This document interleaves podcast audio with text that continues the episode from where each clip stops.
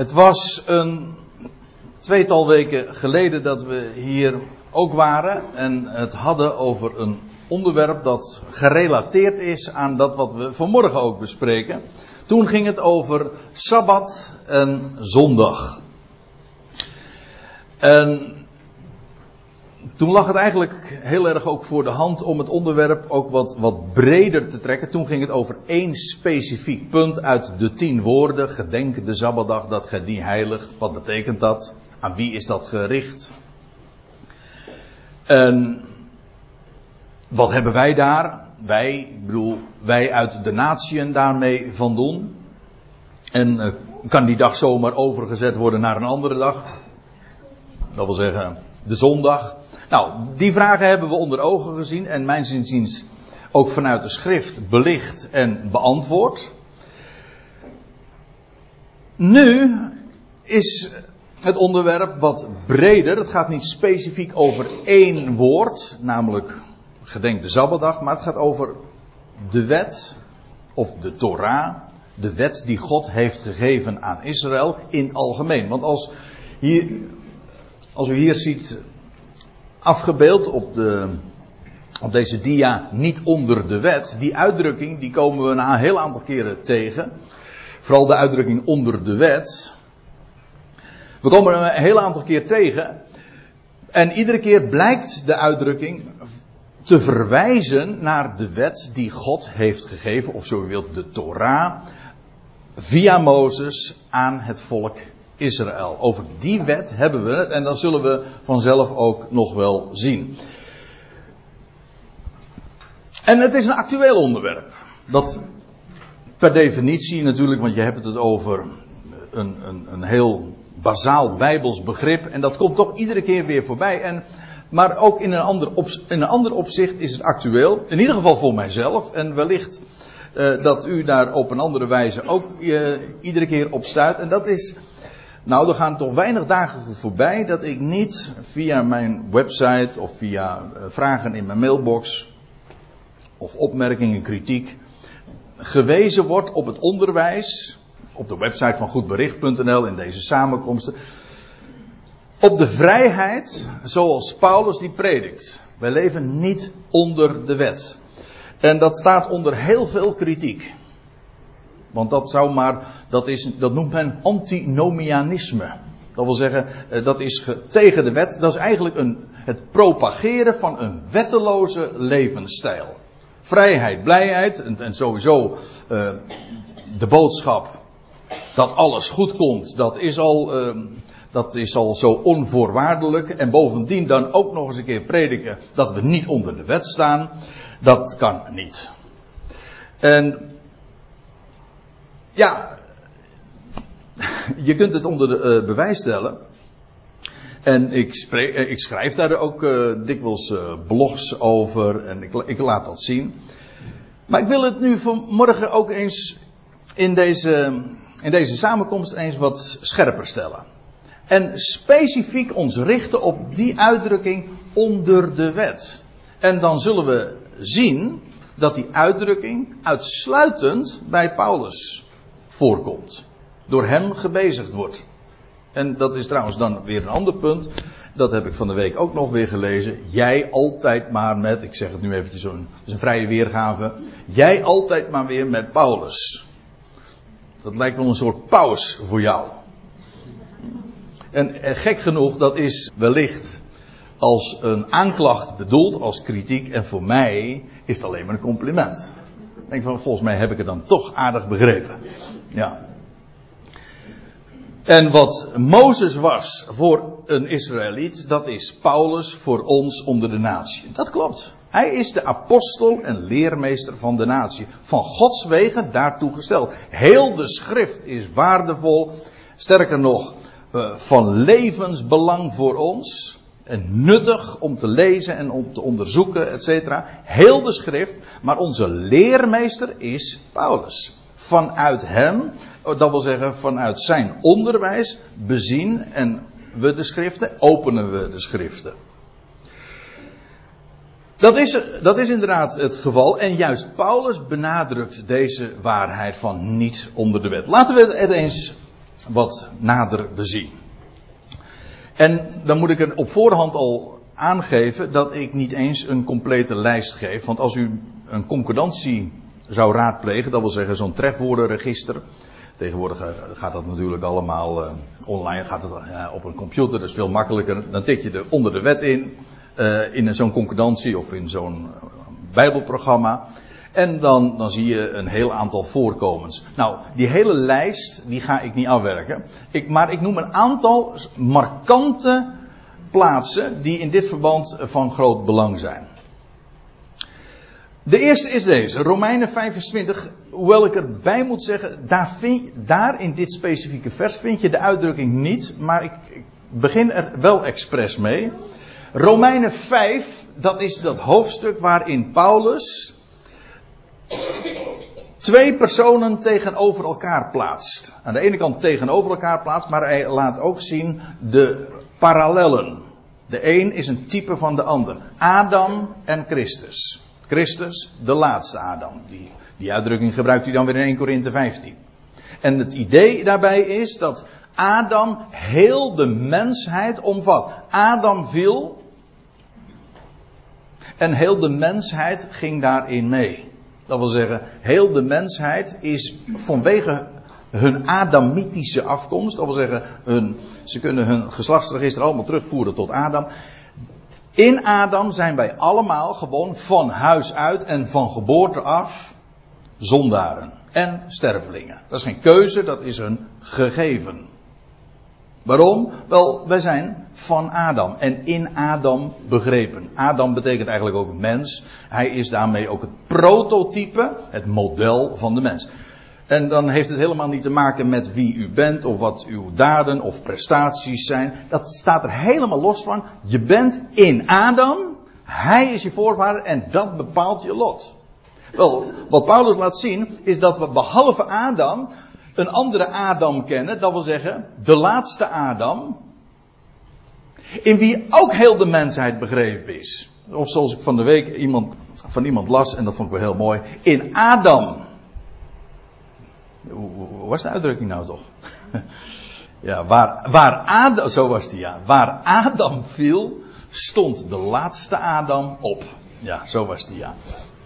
Waar het, waar ik, eh, wat ik ermee wil zeggen ook, is dit. Dat Adam, in Adam is bezegeld het lot van de mensheid dat wij namelijk allemaal stervelingen en zondaren zijn. En in Christus is heel de mensheid begrepen en daarmee ook de bestemming bepaald. Hij stierf, hij stond op uit de doden en in hem wordt heel de mensheid gerechtvaardigd en levend gemaakt. Dat is zo'n basale uh, waarheid, want dat betekent namelijk dat dat het genade is. Dat het puur om niet is. Dat heeft niks te maken met onze keuze. Daar kun je niks aan toedoen. Daar kun je niks aan afdoen. Het is een gegeven. Zoals het een gegeven is dat u een zondaar bent en een sterveling. Zo is het een gegeven dat in Christus heel de mensheid gerechtvaardigd wordt en levend gemaakt. Nou ja, zegt Paulus dan elders. Met de aantekening ieder in zijn eigen rangorde. Maar het feit staat. Zo zal het gebeuren. Ja, dat is maar makkelijk. Zeker weten, dat is makkelijk. Het is een blijde tijding. Het is gratis, het is om niet. En of je het nou gelooft of niet, dit is de waarheid. En een gelovige is iemand die zegt: Wauw, geweldig. Dank u wel, God, dat dat zo is. En dan, en dan eens een keer ondervinden wat dat in je leven ook uitwerkt. Want dat is licht, dat is licht in de duisternis. In dit hoofdstuk zet Paulus deze dingen uiteen. Van Adam, Christus. En dan zegt hij in vers 20 dit. Maar, zegt hij, de wet is erbij gekomen. Dat wil zeggen, pas op een veel later tijdstip. Afgelopen donderdag toen hadden we een bijbelstudie in Bodegraven. Toen hebben we ook deze dingen. Dat liep zo toevallig wat parallel. En er waren nogal wat onderwerpen die, die erg te maken hebben, ook met wat we nu bespreken. Maar toen kwam dit vers ook al even aan de orde. De wet is erbij gekomen. Wat Paulus bedoelt is, Eh, in vers 13 en 14 van dit hoofdstuk had hij al gezegd. Van Adam tot Mozes, bedenk goed, dat zijn ongeveer 25 eeuwen hoor. Leefde de mensheid zonder wet. Adam, noem ze allemaal maar op. Die aartsvader, Noach. Later ook Abraham. Dat is gelaten 3 vers 17. Daar, zegt, daar benadrukt Paulus. Ja, die wet die kwam pas 430 jaar, dus vier, bijna 4,5 eeuw na de belofte die God had gedaan aan Abraham. Dus een, een hele lange periode, sterker nog, als je het hele Oude Testament neemt. En we beginnen dus bij Adam te tellen tot Christus. Die periode is ongeveer 4000 jaar. Van Adam tot Abraham is 4000 jaar. Van Abraham tot Christus is 4, 2000. Wat zei ik het net goed? Uh, van Adam tot Abraham is 2000 jaar. Van Abraham tot Christus is 2000 jaar. Dus die hele periode van het Oude Testament duurt ongeveer 4000 jaar. De periode van de wet, ja, die wordt het meest uitgebreid beschreven, dat is waar. Maar die periode is ruim 1500 jaar. Meer niet. Dus is in wezen, als je het zo bekijkt, gewoon op de tijdbalk, is het zelfs een korte periode, een relatief korte periode. De wet is er bijgekomen. Ik zeg dat er even bij om daarmee aan te geven ook dat het niet waar is wat er gezegd wordt. Dat de wet, en meer speciaal ook de tien woorden, of voor mijn part alles, de hele Mosaïsche wetgeving die God aan Israël heeft gegeven, alsof dat een soort universele leefregel is voor de mensen. Dat is niet waar. In dat geval had God de wet gegeven aan Adam, niet aan pas aan Mozes. De wet is erbij gekomen. Erbij gekomen. Zodat de overtreding toenam. Staat er in de vertaling.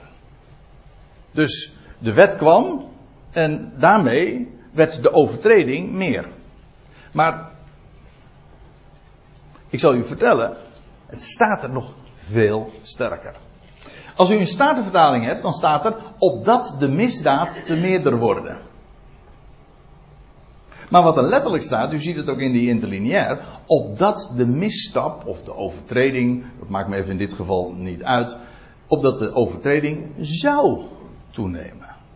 Met andere woorden, dat is de doelstelling ook van de wet. En daarmee zie je ook weer dat Paulus, als hij het evangelie in de Romeinenbrief zo bazaal en, en uitgebreid uiteenzet, dan, dan breidt hij de ondogmatische uitspraken aan elkaar. Dat staat zo haaks op, op, op filosofie, maar ook godsdienstige eh. Wat zegt, wat denkt de mens? God gaf de wet opdat de mens beter zou worden. Nee, God, de wet is erbij gekomen opdat de misdaad, om het even met de staartenvertaling te, eh, te zeggen, opdat de misdaad te meerder worden, zou worden, zou toenemen. Dat was de bedoeling. De wet gaf God niet opdat de, de zonde zou worden ingedampt, dat is wat alom gezegd wordt. Maar het werkt niet zo. Dat blijkt, en het was zelfs niet de bedoeling. Als God, toen God de wet gaf, was het de bedoeling dat juist de, de overtreding zou toenemen. Dat was de opzet. En het gebeurde ook. En we weten allemaal hoe het werkt. En toch blijft de mensheid denken. Er staat in 1 Korinthe 15, ja, daar hadden we het afgelopen donderdag ook over. De kracht van de zonde. Pardon. Ja, nee, ik zeg het correct. De kracht van de zonde is de wet. Als je de zonde wil bekrachtigen, dan moet je een mens onder de wet stellen. Dat mag je niet doen. Dat moet je niet doen. Daar mag je niet aan denken.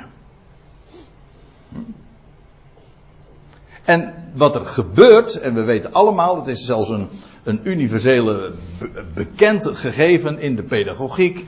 En elke opvoeder die heeft daarmee te maken dat op het moment dat je tegen een kind zegt dat mag je niet doen, dat je het juist prikkelt.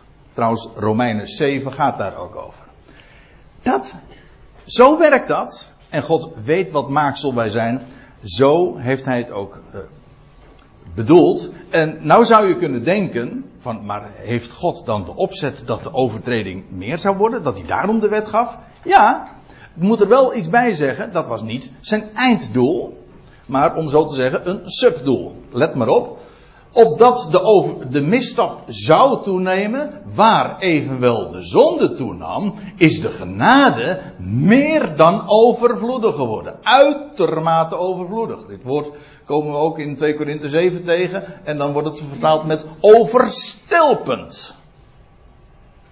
Kijk, hier heb je het echte doel van God. Het doel van God was dat de genade overstelpend zou zijn. En om, opdat de genade overstelpend zou, zou zijn, heeft hij de wet gegeven, want, want daar waar de wet kwam, werd de zonde alleen maar geactiveerd en werd meerder. Maar waar dat het geval is, moest de genade dus alleen maar overvloediger worden en dat werd ze ook. Dit is de bedoeling van God. Hij wil zijn genade betonen. Hij wil echt tonen, demonstreren, dat er niets is wat een mens kan doen of nalaten, wat zijn liefde ongedaan maakt. Dat is onmogelijk. God wil zijn genade overvloedig betonen. Dat was de bedoeling. En daarom gaf hij de wet. Namelijk dat de zonde alleen maar zou toenemen. Ziet u hoe dit haak staat op, op dat wat er in het algemeen over de wet gezegd wordt. Maar ik, ik zal u nog wat uh, de, schriftplaatsen tonen. Dit was Romeinen 5 vers 20. Dan gaan we naar Galaten 3. En dan lees je dit. Galaten, moet ik er even bij zeggen, de, over de hele context. De gelaten brief gaat over de dwaling die daar in Galatië, dus een landstreek in Galaten, uh, een landstreek in, de, in Turkije, in Klein-Azië. Paulus had daar het evangelie verkondigd, om niet. En toen kwamen daar vervolgens mensen, judaïsten, die de mensen onder de wet wilden brengen. Die zeiden van ja, jullie zijn nou wel gelovig, maar als je echt rechtvaardig wil leven, echt als een rechtvaardige wil leven, dan zul je je moeten laten besnijden, of dan zul je de sabbat moeten gaan houden, of dan zul je allerlei gebruiken moeten gaan, gaan volgen, namelijk van het judaïsme. Ze wilden de gelovigen, zo staat er in Galaten 2 vers 14, judaïseren. Onder de wet brengen. En dan wordt Paulus zo verschrikkelijk fel. Want dat staat namelijk zo haaks op dat geweldige goede bericht wat hij had gepredikt. Van om niet, van genade. Nou. Dit is midden in het betoog. Want dan zie je dus in vers 23 dat hij zegt. Toch voordat dit geloof kwam. En met dit geloof bedoelt hij, of letterlijk het geloof, bedoelt hij het geloof zoals Abraham dat had. Voordat de wet kwam, ik, ik wees er zojuist al even op, de wet, de wetgeving bij Sinaï, dat was 430 jaar nadat God aan Abraham die belofte had gedaan. En je leest, en daar wordt in het voorgaande van Galaten 3 dan op gewezen. Ik heb er maar expres eventjes de verse nummers bij genoemd. Dan moet u dat uh, nog maar eens even nakijken. Ik kan dat nu niet doen. Maar het gaat erom dat nu gaat het puur om geloof. Wij die niet onder de wet staan, ik kom daar straks op terug. Wij die niet onder de wet staan, wij leven uit geloof. En wat betekent geloof? Geloof staat tegenover werken. En wat betekent dat dan? Wel, daarvoor haalt Paulus uh, bij deze gelegenheid, maar dat doet hij vaker, Abraham aan. Of eigenlijk Abram. Toen nog gewoon Abraham. Abraham, een oude man, zijn vrouw was onvruchtbaar. En aan hem geeft hij de belofte. Op in een nacht. Zo zal jouw nageslacht zijn. En dan wordt er geen enkele voorwaarde genoemd. Niet één. Hij zegt niet van als jij zus of als jij zo. Nee, Abraham moest omhoog kijken. Kun je de sterren tellen? Nee, dat kan hij niet. Zo zal jouw nageslacht zijn. En Abraham geloofde God. Hij, er staat letterlijk, hij beaamde God. Het Hebreeuwse woord voor geloven is beamen. Amen zeggen. Zo is dat. En Abraham geloofde God. En het werd hem tot gerechtigheid gerekend. Abraham was in de ogen van God een rechtvaardige. Waarom? Deed hij iets? Nee. Wat deed hij? Wat gebeurde er dan? Wel, hij zei amen op Gods belofte. Dat is geloof. Dus niet, hij werkte, hij deed helemaal niks. God beloofde. Hij keek, weet u wat hij deed? Hij keek omhoog. En hij zei amen op een belofte die God deed. Niet op een, God zei niet van jij moet zus of zo. Kijk, in dat geval, dan zou je, dan is het werken. God vraagt iets en jij moet het doen. Maar God vroeg helemaal niks. God beloofde, zo zal het zijn. Dus het was puur een belofte. Dus de verplichtingen bij een belofte, u weet het, belofte maakt schuld. Als God een belofte doet, dan liggen de verplichtingen geheel bij degene die de belofte doet. Hij doet de belofte en hij verplicht zich daarmee dat ook te vervullen. Abraham geloofde God en dat maakte hem een rechtvaardige. Hij deed iets? Nee, maar hij zei amen. Zo is dat, dat is de waarheid. Nou, zo was het voor de wetgeving. Dit, zo was het bij Abraham. En zo is het vandaag weer. Puur geloof. Nou, voordat dit, het geloof kwam, werden wij, en dat wij is hier, dat zijn Israëlieten. Paulus spreekt hier als Jood. Werden wij onder de wet, hier heb je de uitdrukking, in verzekerde bewaring gehouden. Dat betekent eigenlijk ook dat die hele periode onder de wet feitelijk een intermezzo was. Een tussenperiode. Duizenden jaren leefde de mensheid helemaal niet onder de wet. Vervolgens één volk wordt geselecteerd, afgezonderd, geheiligd. En aan hen wordt de wet gegeven met een specifieke doelstelling. Nou ja, daar had ik het net al over. Maar daarmee is de doelstelling van de wet bepaald niet uitgeput. Want het is ook onderwijs, aankondiging. Daar gaat het nu eigenlijk van, vanmorgen niet zozeer over. Hoewel, ik moet erbij zeggen, in, tegen de gelaten, zegt Paulus dan. Jullie willen onder de wet staan. Hij zegt, zeg mij die onder de wet willen staan. Luisteren jullie niet naar de wet? En dan gaat hij, eh, dan gaat hij vertellen over geschiedenissen van Hagar en, en Sarah. Weet je wel, over Ismaël en, en Isaac. Hij zegt, hebben jullie daar wel eens naar geluisterd? Dat staat allemaal in de wet, hè? Maar weet je wat het betekent? Als ze goed hadden overwogen wat dat betekent, dan zouden ze niet die onzin ophalen en verkondigen die zij nu geloofden en die daar inderdaad, in, die boodschap die daar ingang vond. Ze stelden zich onder de wet, maar ze luisterden niet echt naar de wet. Afijn. Werden wij onder de wet in verzekerde bewaring gehouden? Eigenlijk verzekerde bewaring, eigenlijk is dat het idee van een gevangenis.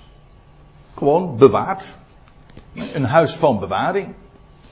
Samen opgesloten wordend, staat er dan.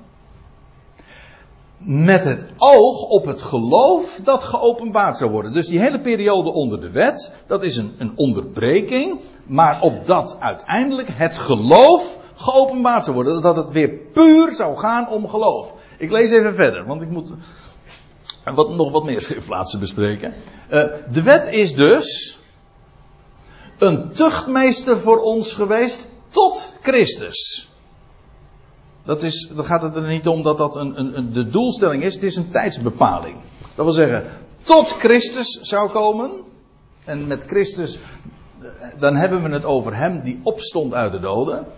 Wel, tot die tijd is voor Israël, dat onder de wet gesteld was, was de wet een tuchtmeester. U ziet, hier staat in het Grieks het woordje pedagoog. Ons woord pedagoog is dus gewoon een Grieks woord. En dat betekent dus een kindergeleider. Als je het heel letterlijk verhaalt, een kindergeleider. Iemand, die een kind begeleidt. Onder bewaring van een kind, en dat was ook een speciale functie in die dagen. Die, als je in goede doen was, dan kon je, kon je de opvoeding overlaten. Uh, of dat nou zo ideaal is, dat is een ander verhaal. Maar kon je de, over, de opvoeding overlaten aan uh, een speciaal iemand. Een pedagoog die jou dan inderdaad onder een bepaalde beheer ja, stelt. Wel, de wet was zo'n kindergeleider. Het was ook nog een tijd, en dat is ook een van de punten in de gelatenbrief. De wet stelt de mens uh, onder regels, zoals je een kind ook onder regels stelt. Maar het, heeft, het is ook een aanduiding van onmondigheid. Tegen een kind zeg je, zus en zo en zo en zo moet je het doen. Op een gegeven ogenblik word je geacht volwassen te zijn, mondig te worden. En dan mag je zelf nadenken. Mag je zelf je verantwoordelijkheden opnemen. En tot die tijd is een kind gewoon, ja, onder, uh, onder die regels.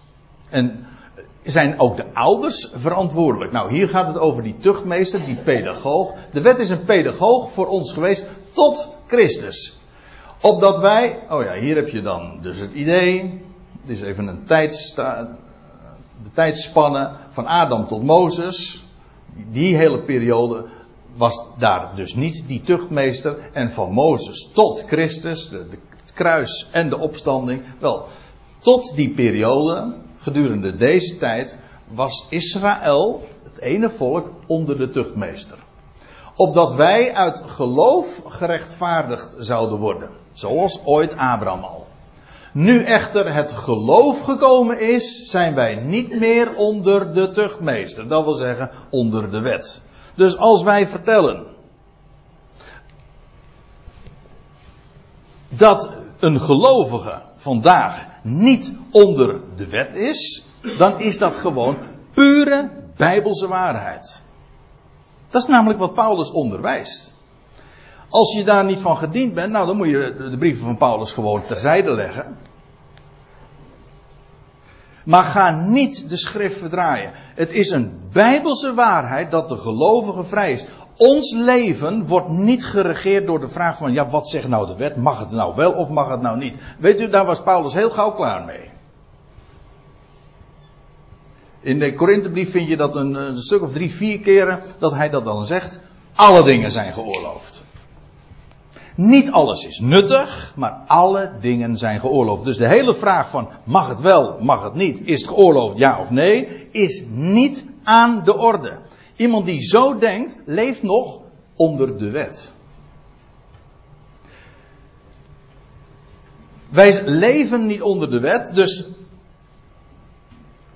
ja, dit zijn zulke duidelijke uitspraken. Nu echter het geloof gekomen is, zijn wij niet meer onder de tuchtmeester. Dat wil zeggen onder die kindergeleider, die pedagoog. De wet. Ik, blader eventjes door. Nou ja, uh, min of meer dezelfde bladzijde. Ik heb het nu ook voor me liggen.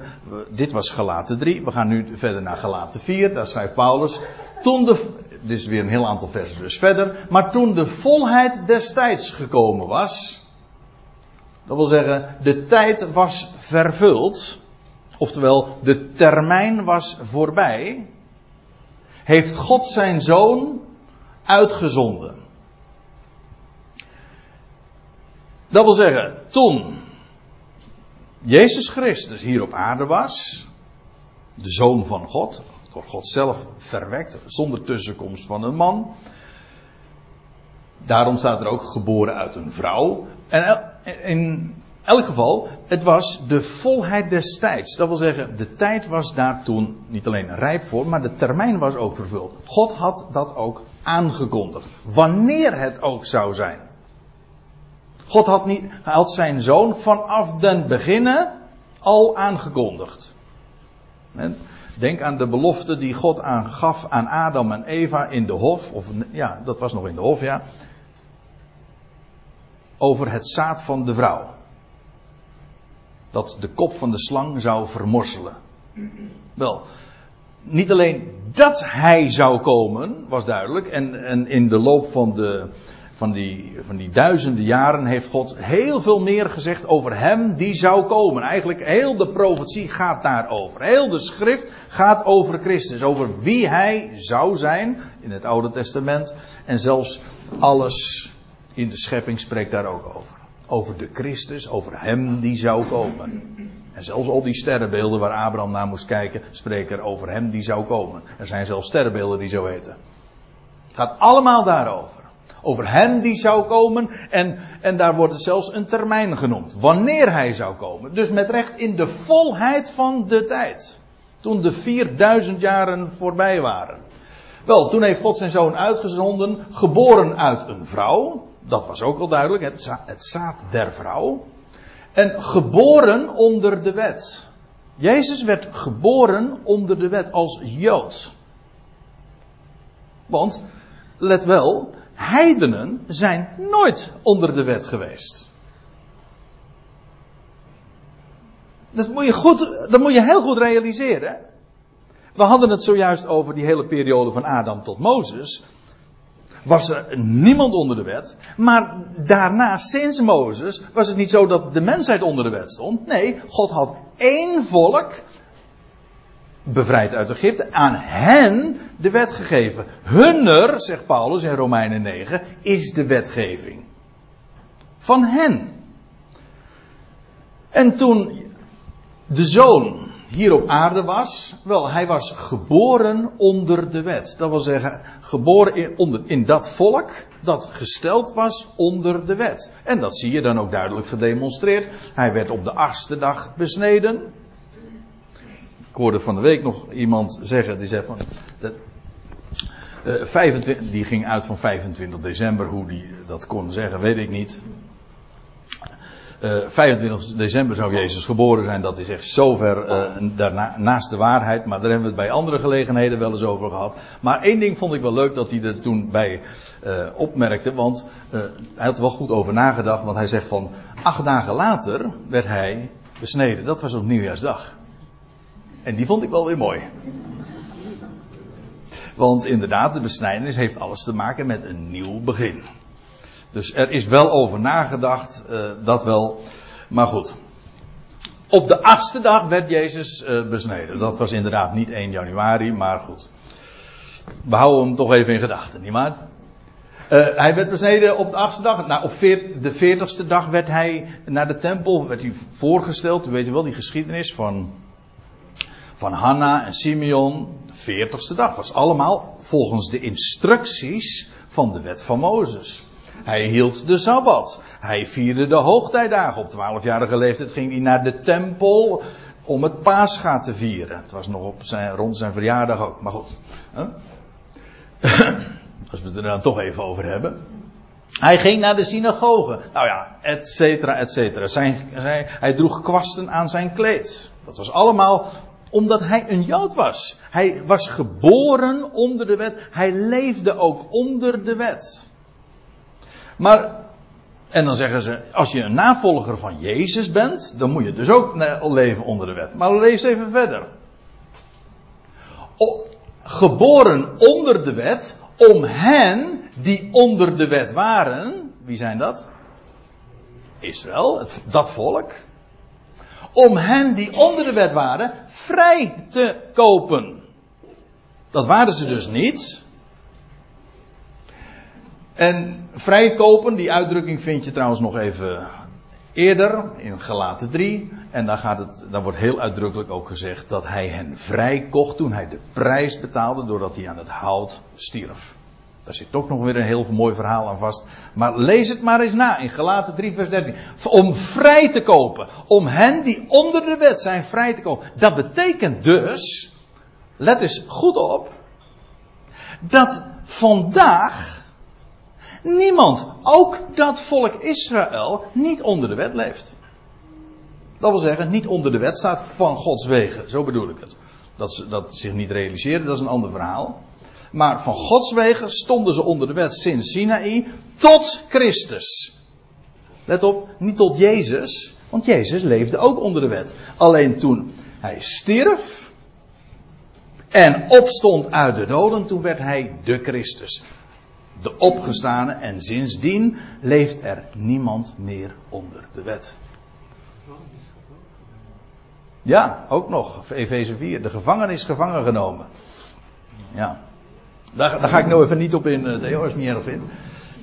Maar om hen die onder de wet waren vrij te kopen, dat betekent dat het volk dat onder de wet was, nu vrij is. Zodat het Jodendom, als je het zo bekijkt, die zich stelt onder de wet, een, met een duur woord heet dat een anachronisme. Ze, dat, is, dat is eigenlijk buiten de orde. Men, men stelt zich onder een wet waar men helemaal niet onder meer uh, onder geplaatst is. Men is daarvan bevrijd, vrijgekocht. En dan staat er nog bij, opdat wij het recht van zonen zouden verkrijgen. Eigenlijk staat er letterlijk de zoonstelling. Of het zoonschap. Dat wil zeggen, we zijn vrij, niet meer onder een kindergeleider, onder een pedagoog. We zijn mondig. Ons leven wordt niet geregeerd door de vraag, wat zegt de wet? Maar we zijn zonen. Mondig. Nou ga ik nog even verder. Naar Romeinen 6. U ziet, het is wat lukraak, eh, want ik was in de Romeinenbrief eerder al, in Romeinen 5, toen gingen we naar de Galaten 3, toen gingen we naar Galaten 4. En ik vergeet dan nog weer heel uh, een aantal passages, maar wel goed, we gaan naar Romeinen 6, want dat is in ieder geval een, een, een passage die ik genoemd wil hebben in dit verband. Immers, zegt hij dan, en u ziet alleen al uit het, woord, uit het eerste woord dat hij hier in zijn betoog weer verder gaat. Ik laat dat even voor, uh, voor wat het is. Maar nu de uitspraak zelf. Immers, de zonde zal over u geen heerschappij voeren.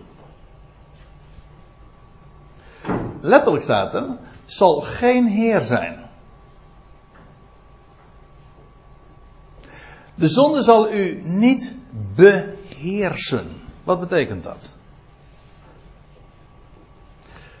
Beheerst worden door de zonde. Kijk, ja, wat is nou, wat, wie is nou, wordt beheerst door de zonde? Ik, ik vond het een beetje moeilijk om er een plaatje bij te vinden, maar goed. Uh, daar is uh, ongetwijfeld wel wat op, op aan te merken. Uh, dat linkerplaatje, dat moet dan een vrouw uitbeelden. Die, die zich van God nog gebod, hè, iets aantrekt.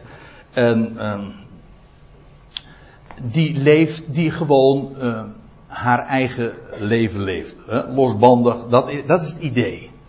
En daarvan zeggen we dan, die wordt beheerst door de zonde. Dat wil zeggen, ze laat zich daardoor leiden. Die man daarnaast, een monnik, of wat voor geestelijke ook, die wordt geacht godsdienstig te leven, de wet te onderhouden.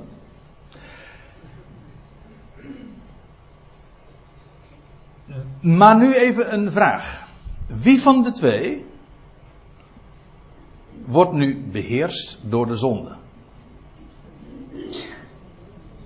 Nou, zou je kunnen zeggen van nou, degene die uh, gewoon de zonde uitleeft en die zich daar, dus, die zich totaal niet druk maakt om zonde. Maar wordt iemand die zich niet druk maakt om de zonde beheerst door de zonde?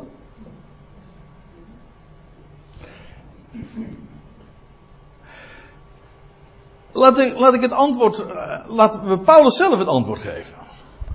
Hij zegt dit.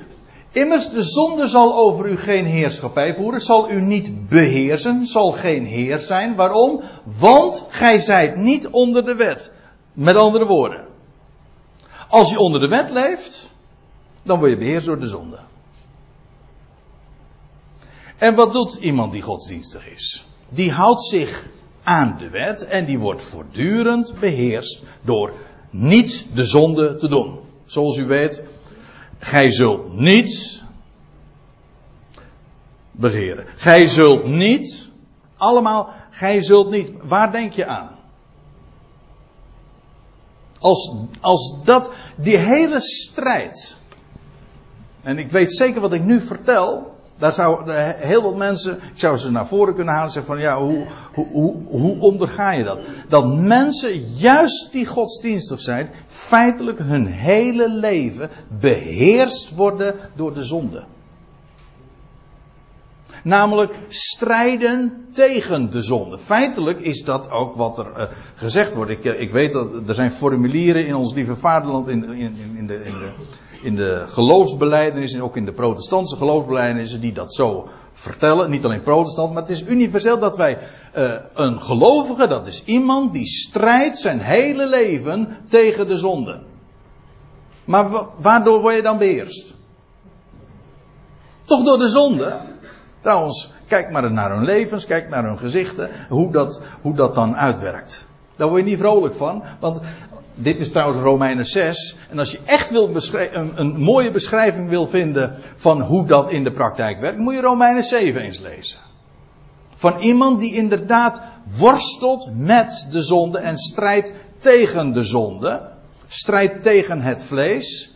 Dan word je beheerst door de zonde.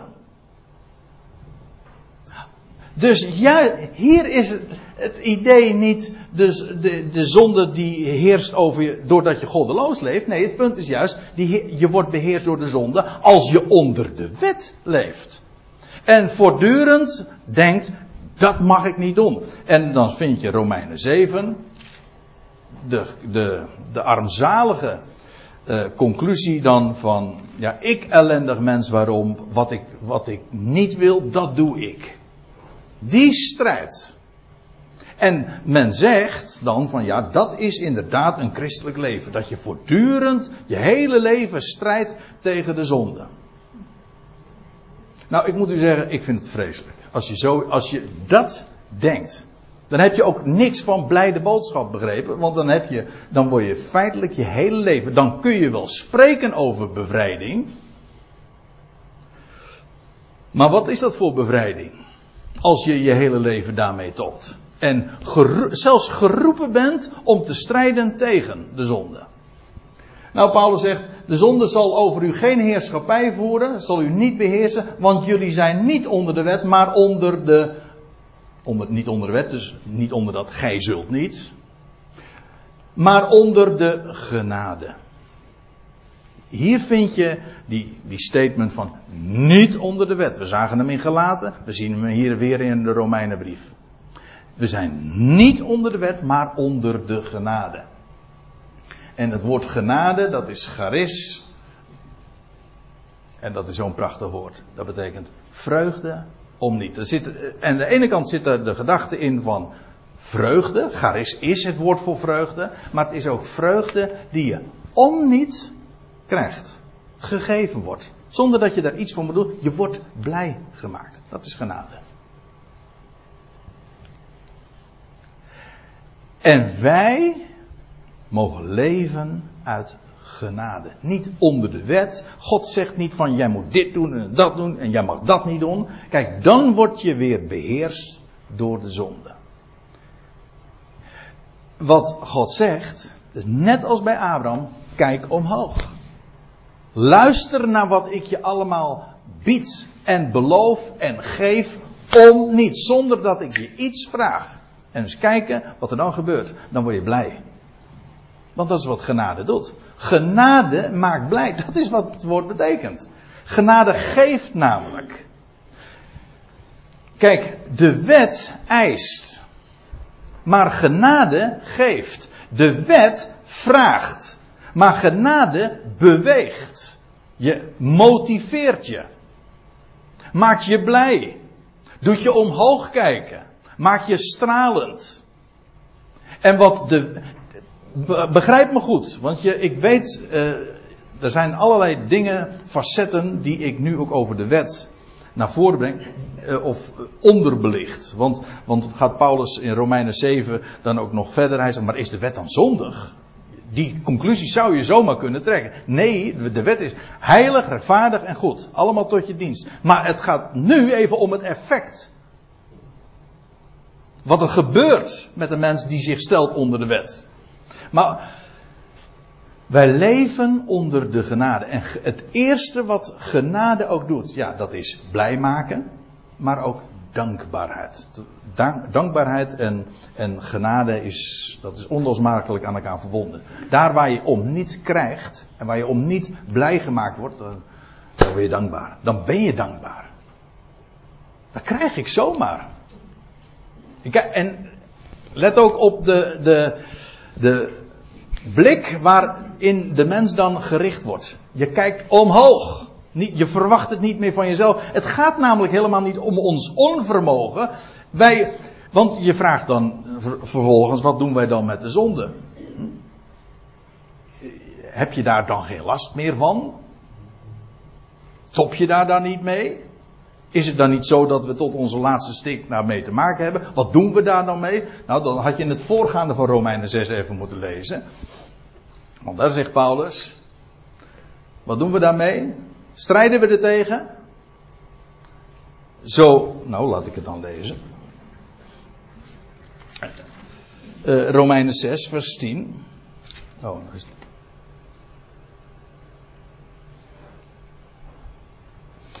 Want wat zijn. Nou, laat ik lezen vanaf vers 9. Ik heb er even geen diaatje van, maar daar staat: We weten dat Christus, nu hij uit de doden is opgewekt, niet meer sterft. De, dood voert geen heerschappij meer over hem. Want wat zijn dood betreft, is hij voor de zonde eens voor altijd gestorven. Wat zijn leven betreft, leeft hij voor God. Zo zou het ook voor u vaststaan, letterlijk staat er reken, dat gij wel dood zijt voor de zonde, maar levend voor God in Christus Jezus. Dood voor de zonde. Dat is, dood voor de zonde betekent negeren. Wij regeren over de zonde door het te negeren. En negeren betekent geen aandacht aan geven. En wat dan wel?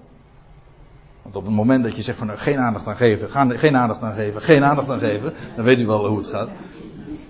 Nee, het is, wij leven onbekommerd voor God. En naar de zonde hebben we geen enkele boodschap. Dus we kijken omhoog.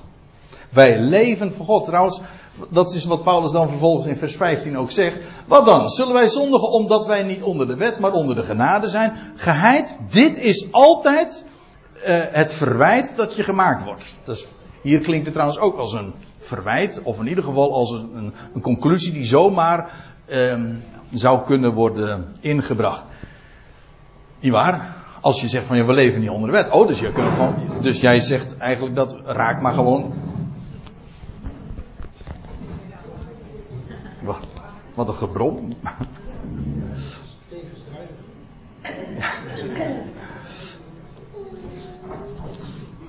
Misschien moet hij iets meer. Ja, ik denk dat hij zo goed is. Hij zat, ja, een beetje te wilde voor de kraag. Ja. Sorry.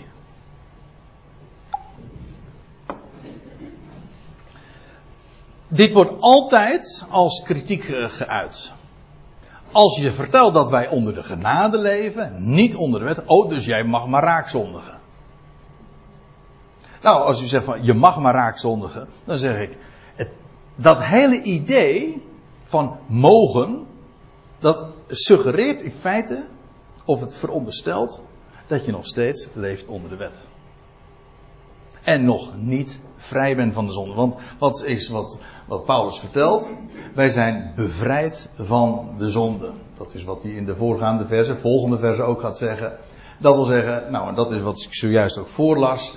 Dood voor de zonde en levend voor God in Christus Jezus. Dat is de houding. U zegt, dus nogmaals, wat is onze houding ten opzichte van de zonde? Dood. Daar, dat is, voor God is het probleem namelijk vol, eens en voor altijd voorbij. Wij zijn gerechtvaardigd.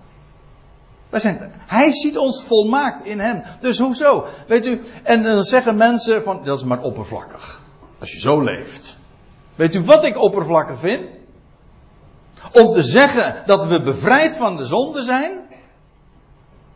Of te zeggen dat we een goed bericht kennen dat ons in de vrijheid plaatst. En je hele leven toppen en strijden tegen de zonde.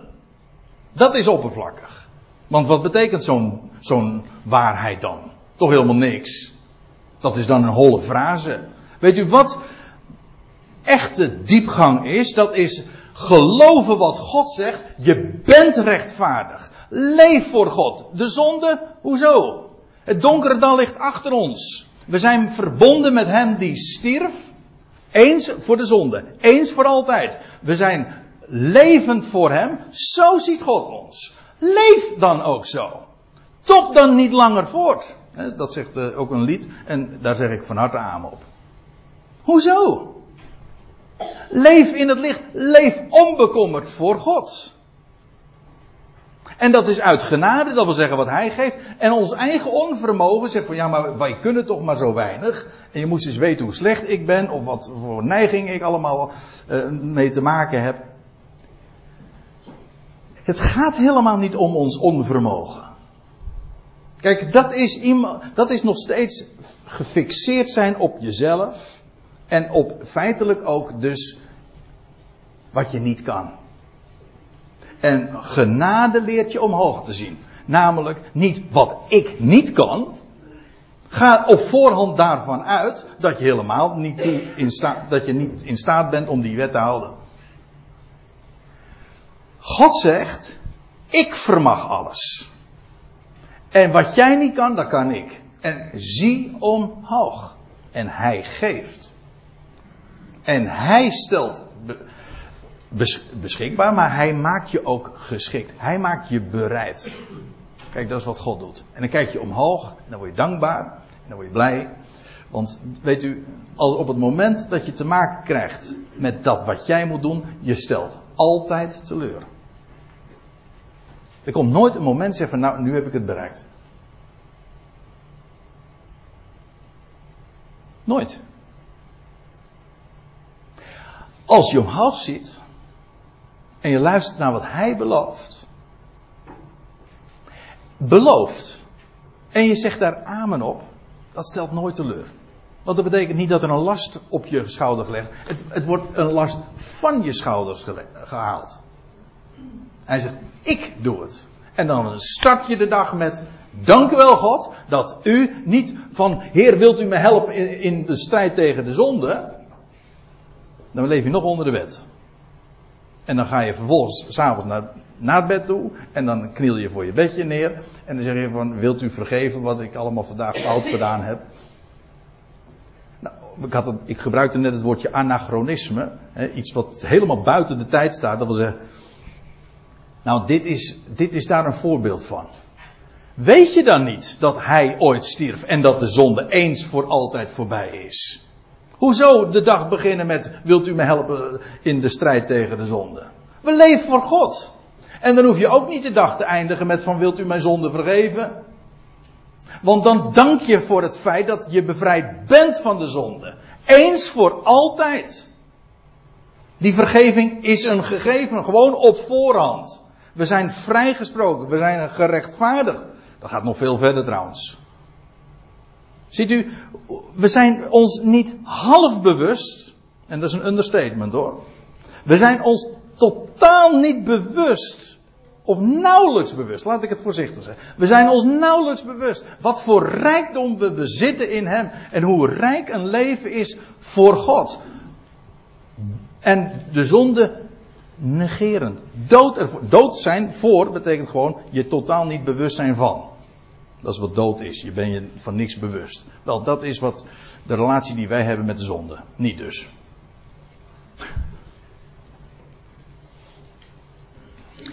Ja. Ja, volstrekt niet. Dat is eigenlijk wat ik wilde zeggen. Uh, nou wil ik nog naar één schriftplaats toe. 1 Korinthe 9. En daar zie je hoe Paulus dat ook, dat voorbeeld ook, of dit gegeven waar we het nu over gehad hebben, in de praktijk benadert. En in 1 Korinthe 9, daar heeft hij het over zijn levensstijl. Om andere mensen het evangelie te vertellen. Het goede bericht dat hij mocht verkondigen onder de natie. En daarbij was Paulus heel flexibel. Hij zegt, hoewel ik vrij sta tegenover allen. Ik ga er eh, door sommige zinsdelen wat snel heen. Ik, hoewel ik vrij sta tegenover allen, heb ik mij alle dienstbaar, eigenlijk gemaakt tot een slaaf gemaakt om er zoveel mogelijk, of eigenlijk de meerderheid, te winnen. Winnen betekent niet ze gelovig te maken, want dat is helemaal geen mensenwerk. Maar betekent hen te bereiken met het evangelie. Paulus wilde iedereen vertellen van het goede bericht. Iedereen moet het weten. Iedereen moet weten, zoals we zongen, dat God niet veranderd is. Iedereen zal het ook weten. Het is toch geweldig om te vertellen wie God is. Echt een blijde boodschap. Kijk, dat is waar je mee voor de dag kan komen. echt een blijde boodschap. En wat veelal verkocht wordt als een blijde boodschap, is helemaal geen blijde boodschap. Weet u waarom niet? Omdat er een prijskaartje aan hangt. Want een mens moet nog weer zoveel. Het is niet genade. En de mensen vinden dat altijd, men zeggen, dat is maar goedkoop. Nou, het is nog veel erger, het is gratis. Ja, als, het goedkoop is, dan moet je nog weer wat voor betalen. En dat is het evangelie in veel kerken. Dat is een scherpe uitspraak die ik ga doen, maar ik neem 100% voor mijn rekening. Het evangelie in veel kerken is goedkoop. Wordt er dan zoveel van je gevraagd? Nee, dat bedoel ik. Er wordt weinig van je gevraagd, maar er wordt wat van je gevraagd. En dus is het geen genade. Het evangelie is een bericht. En het is een aankondiging van wie God is. Hij is jouw redder. Niet op voorwaarde dat. Hij wordt niet je redder als jij voor hem knielt. Hij is jouw redder. En hij stelt je in de vrijheid. Hij heeft je bevrijd van de zonde. Leef dan daaruit. Kijk, dat is geloof. Dat is maar makkelijk. Zeg zeker makkelijk. Dat is ook geweldig blij. En bevrijdend. En lichtgevend. En weet je wat geweldig is? Je hebt nog wat te vertellen ook aan mensen. En Paulus zegt, hij laat zich, liet zich in niets limiteren om, om, om de meerderheid te winnen, om, om iedereen maar te bereiken met het evangelie. Hij zegt, ik ben voor de Joden geworden als een Jood, om Joden te winnen. Daar had Paulus niet de minste moeite mee om. Hij was per slotverrekening zelf een kampioen als het ging om Joods leven. Ooit. En als de Joden moest winnen, dan leefde hij als een Jood. Om hen te bereiken. Hij zegt, om hen die onder de wet staan, om te, als onder de wet. Dat wil zeggen, zo was Paulus. Hij zegt, dit, dit is min of meer parallel met het, uh, met het eerdere gedeelte. Paulus leefde gewoon Joods. Kijk het maar in het boek Handelingen na. Hij liet zelfs Timotheus bij gelegenheid nog besnijden. Ter wille van de Joden staat er. Handelingen 16. Hij zegt, hun die onder de wet staan, ben ik geworden als onder, als onder de wet. Hij, hij zegt, hoewel persoonlijk niet onder de wet. Nee, Paulus wist beter. Maar om hen te bereiken, paste hij zich aan in zijn levensstijl.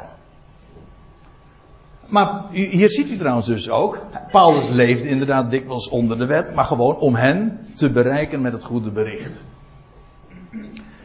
En om hen die onder de wet staan te winnen. Ja. En zegt hij, hun die zonder wet zijn, dat is leuk hè, maar er staat hier het woordje wetteloos. Wat, dat is namelijk het verwijt aan uh, goedbericht.nl, dat wat hier verteld wordt, het is wetteloos. En dan zeg ik, dat klopt. Hun die zonder wet zijn. Er staat gewoon het, het, het, het, Griekse woord wat hier gebruikt wordt, dat wordt elders vertaald met wetteloos. Hun die zonder wet zijn, dus de natieën, die die wet nooit gekend hebben. En ik zei zojuist al, het volk dat onder de wet stond, staat er nu niet meer onder, want het is vrijgekocht. Maar goed, zij weten het niet, dus in de praktijk maakt dat ook weinig verschil. Maar hun die zonder wet zijn, ben ik geworden als zonder wet. Dus we wil zeggen, voor de wettelozen ben ik gewoon wetteloos geworden. Hij zegt, hoewel niet zonder de wet van God, of zonder wet van God. Nee, hij zegt, ik heb wel, ik heb wel wet. Maar moet, want, zegt hij dan, let even nog goed op. Dus is, die wil ik nog even gemeld hebben. Hij zegt, want ik, in de vertaling staat dan, want ik sta onder de wet van Christus. En dan zal ik u vertellen, zo staat het er niet. Er staat, maar wettig van Christus. Zo staat het er.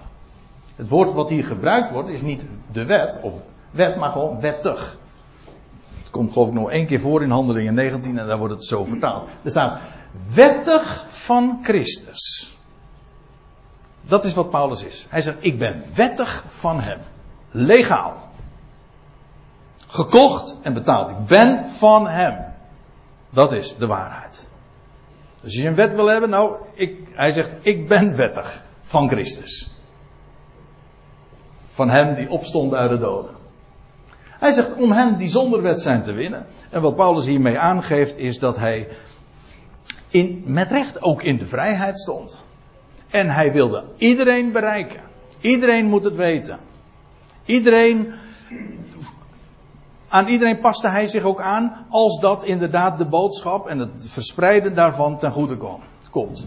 En dat is ook precies wat Paulus aan de Corinthiërs vertelde en over de hoofden van hen ook aan ons. En dat is, we staan, lieve mensen, onder de genade. En dus in de vrijheid.